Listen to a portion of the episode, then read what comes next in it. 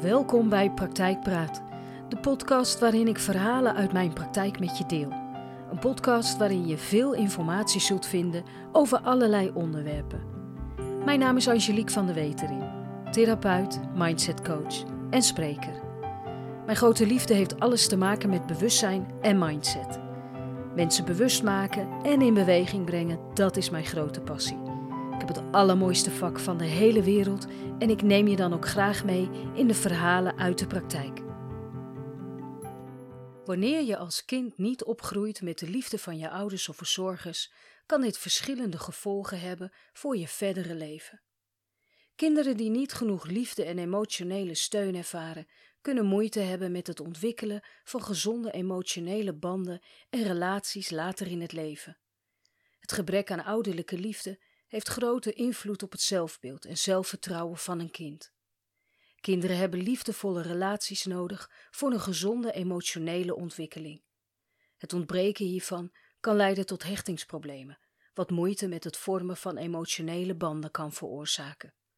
Volwassenen die als kinderen liefde misten, kunnen worstelen met het aangaan en behouden van gezonde sociale relaties. Vertrouwensproblemen en angst voor afwijzing kunnen een grote rol spelen in het aangaan van relaties, zoals in het verhaal van Jack. Soms laten verhalen me niet snel los. Dan maakt het me dankbaar voor alles wat ik heb, omdat ik zo vaak de andere kant hoor. Het maakt me milder en bewuster. Bewuster van mijn eigen grenzen, van wat ik wel en niet wil en wanneer. Tegenover mij zit Jack. Zijn blik is leeg alsof het leven geen inhoud meer heeft. En dat raakt me. Het was een rauw leven. Ik ben mijn beide ouders en broer al jong verloren. Mijn vrouw en dochter raakte ik later ook kwijt door de verkeerde keuzes die ik maakte in mijn leven.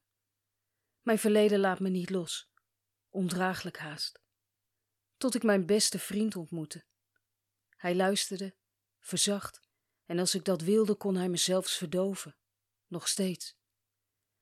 Zijn lege blik vangt de mijne en ik probeer zijn verhaal te lezen. Bijna een leven lang aan de drank. Mijn jeugd heeft me veel afgenomen, terwijl deze al lang voorbij is. In mij is het nog steeds vroeger en altijd in gevecht met mezelf. Ik heb niet de illusie om van mijn trauma's af te komen, laat staan van de drank. Daar is het allemaal te laat voor op mijn leeftijd. Het enige dat ik nog kan doen is het vertellen van mijn verhaal al is het alleen maar voor mezelf. Jack, op leeftijd en doorleefd. De lijnen in zijn gezicht vertellen dat het leven niet eenvoudig is geweest, en misschien is dat laatste wel heel zacht uitgedrukt. Zijn handen trillen terwijl hij een slokje van zijn koffie neemt. Ik ben opgegroeid bij mijn tante. Ze heeft mij na het overlijden van mijn ouders in huis genomen. Ik heb geen fijne jeugd gehad. Mijn tante had zelf de nodige problemen en dat zorgde ervoor dat mijn jeugd onstabiel en onveilig was. Ik zwierde veel op straat, als ik maar weg was. Dertien was ik, toen ik bij een boer aan de slag kon. En dat was hard werken, maar het hield me van de straat. Zijn grijze ogen vullen zich met tranen. Mijn tante was een harde vrouw. Ze schold veel en dronk veel. Ik was altijd op mijn hoede en wist niet wat en wie ik kon verwachten als ik naar huis ging. Er waren regelmatig vreemde mannen, zogenaamde vrienden. Ik dacht er het mijne van en bemoeide mij er niet mee. Er verschijnt een donkere blik in de ogen van Jack. Ik kreeg wel eens klappen van deze zogenaamde vrienden. Ik liep of in de weg of gedroeg me niet. Er werd altijd wel een reden gevonden om mij letterlijk uit de buurt te slaan. En toen ik veertien werd, bood de boer waar ik toen werkte mij een slaapplaats aan. Hij had wel in de gaten dat het thuis niet helemaal goed ging. Hij was een man van weinig woorden, maar hij zag alles. Voor mij was het de eerste keer dat iemand iets voor me deed waardoor mijn leven een beetje draaglijker werd. Langzaam werd ik onderdeel van de boerderij, tot ik Marie ontmoette. Mijn wereld stond op zijn kop. Ik was tot over mijn oren verliefd. Maria was vanaf het begin een zelfstandige vrouw. Ze wist wat ze wilde. Zijn blik krijgt een verdrietige glans. Ik verwarde dat al snel met dominant en hard en ging regelmatig de strijd met haar aan. Jack kijkt mij aan en schudt zijn hoofd. Ik wilde niet dat iemand mij ooit weer zo zou behandelen als mijn tante. Dat de zelfstandigheid van Marie daar niets mee te maken had, zag ik pas veel later, toen het te laat was. Ik was allergisch voor alles wat maar leek op moeten. Daar liep ik het liefst voor weg of ging de strijd aan. Ik heb vaak gehoord dat ik een moeilijke man was. na een paar biertjes vond ik dat zelf helemaal niet en begreep ik niet waar iedereen zo om zeurde. Ik kon nergens heen met de gevoelens die ik had, stopte en dronk alles weg. Ik denk vaak terug aan het geduld van Marie, want dat had ze. Ik besef me nu pas dat ze echt van me hield. Ze heeft er alles aan gedaan. Jack legt zijn hoofd in zijn handen en zucht. En jij, Jack, heb jij er ook alles aan gedaan? Zijn hoofd gaat omhoog en zijn ogen krijgen een donkere gloed. Hij schudt zijn hoofd en zegt: Hoe meer zij haar best deed, hoe meer ik ging drinken. Ik zag alles altijd als een reden om maar te kunnen gaan drinken. Heb je je schuldig gevoeld op de momenten dat ze haar best voor je deed? Jack kijkt me aan en blijft stil. En ik kan zien dat hij ook nu weer worstelt met alles wat hij voelt. Ik werd alleen maar boos, op haar en op mezelf. Heeft dat met schuldgevoel te maken? Hij haalt zijn schouders op en kijkt me aan. Het is een manier om met schuldgevoel om te gaan. Je leidt jezelf af met boosheid om het maar niet te hoeven voelen. Soms wordt boosheid gebruikt als afweermechanisme, om alle ongemakkelijke emoties zoals schuldgevoel te vermijden of te onderdrukken.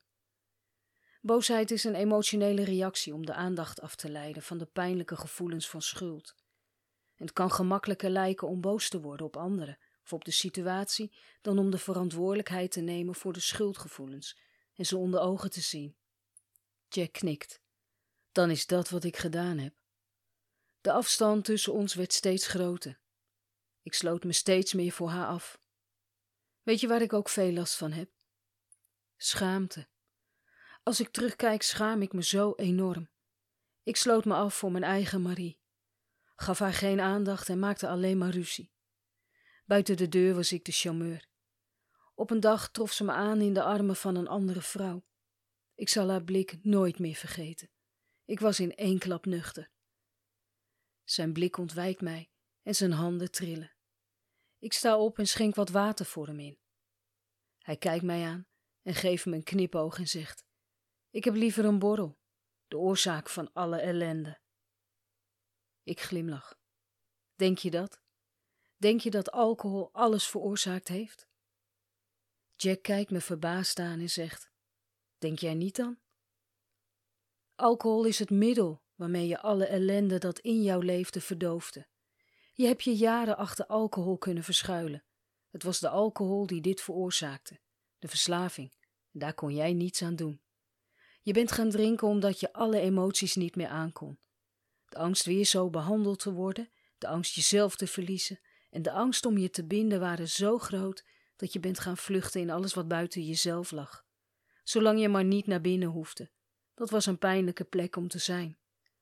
Je bent niet alleen bij Marie vandaan gevlucht, ook bij jezelf, Jack. Je wist niet hoe je je moest binden en hoe je met echte liefde om moest gaan, dus vluchtte je in oppervlakkige liefde. Jack schudt zijn hoofd. Dat was geen liefde. Dat ging alleen om. Ik blijf even stil. Seks, aandacht, alles wat maar leek op liefde en je even een goed gevoel kon geven van binnen. Je gebruikte dit of alcohol. Wanneer je geen liefde krijgt in je jeugd, blijf je als je niet oppast een leven lang zoeken naar liefde. Maar wat is liefde? Je hebt het nooit gekend. En toch, wanneer je echte liefde ontmoet, zal je hart dit herkennen. Jack kijkt mij aan. Zijn blik wordt zacht. Marie. Ik knik. Marie. Het intense gevoel overvalt je en je hebt geen idee hoe je hiermee om moet gaan. Wat geef je iemand die je zoveel liefde geeft? Er rolt een traan over zijn wang. Het maakt me boos, zoveel liefde. Ik was dat toch niet waard. Hoe kon nou iemand zoveel van mij houden? Van mij? Zijn verdriet raakt mij. Jack, op leeftijd, en een leven lang overtuigd geweest dat hij geen liefde verdiende. In zijn leven zocht hij situaties op die hem lieten zien dat hij gelijk had. Zie je wel, ik verdien geen liefde. Hij durfde niet van zijn dochter te houden, bang dat hij haar ooit zou kwijtraken. Precies wat zijn eigen angst uiteindelijk creëerde. Hij bevestigde daarmee ook dat hij gelijk had. Zie je wel, ik verdien geen liefde. Jack vertelde over de jaren nadat zijn vrouw bij hem was weggegaan. Ik was boos en vond dat Marie mij in de steek liet. De dag dat ze ging vergeet ik nooit meer.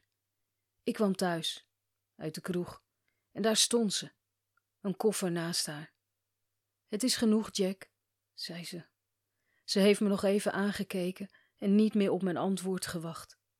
Daar ging ze, de liefde van mijn leven, en dat had ik zelf veroorzaakt. Jack staart naar de grond, haalt even diep adem en zegt: Ik heb me toen omgedraaid en ben rechtstreeks de kroeg weer ingegaan. Ik wilde niets voelen en nergens over nadenken. Nog steeds niet. De jaren erna had ik lak aan alles. Het kon me allemaal gestolen worden. Ik heb niet altijd veel gedronken. Er waren perioden in mijn leven dat ik heel goed maat kon houden.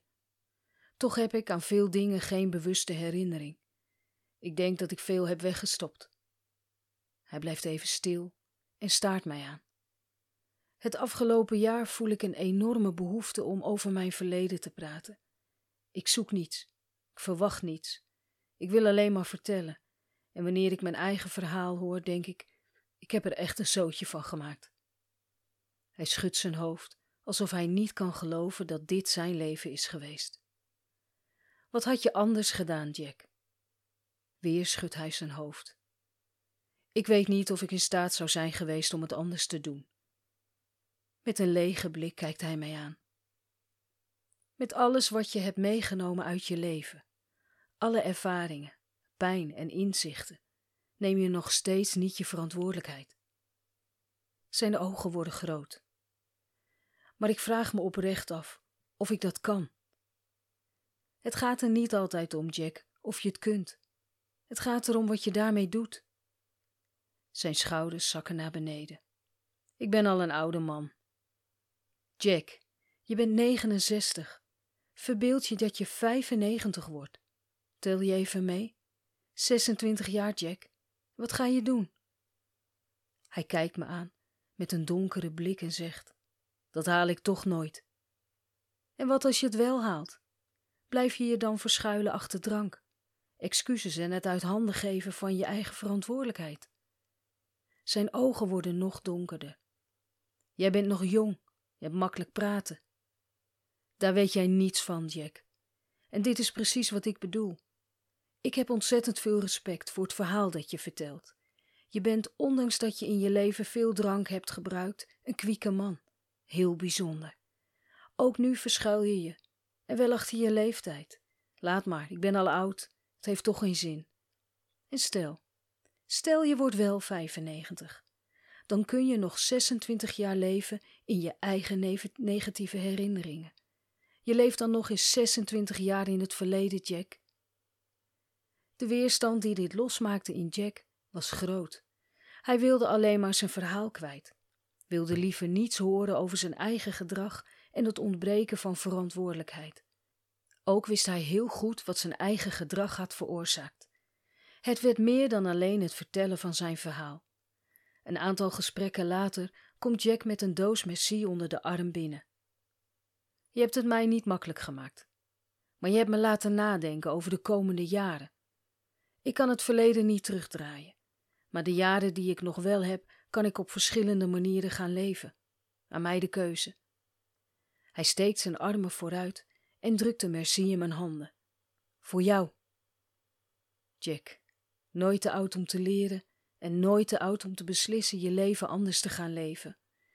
Ondanks de trauma's die Jack met zich meedroeg, lukte het hem beter om bewuster te kijken naar wat hij wel had en kon. Hij ging zien dat het leven voor hem ook mooie dingen te bieden had, al waren ze nog zo klein. Jarenlang had hij zijn ogen gesloten en wilde niet kijken naar andere kanten van het leven. gaf zijn verantwoordelijkheid uit handen. En dit verhaal laat zien hoe belangrijk alles in je opvoeding is, alles wat je meekrijgt en alles wat ontbreekt. Het vormt de basis en heeft grote invloed op de rest van je leven. Het beïnvloedt namelijk hoe je de wereld waarneemt, hoe je jezelf ziet en hoe je reageert op verschillende situaties.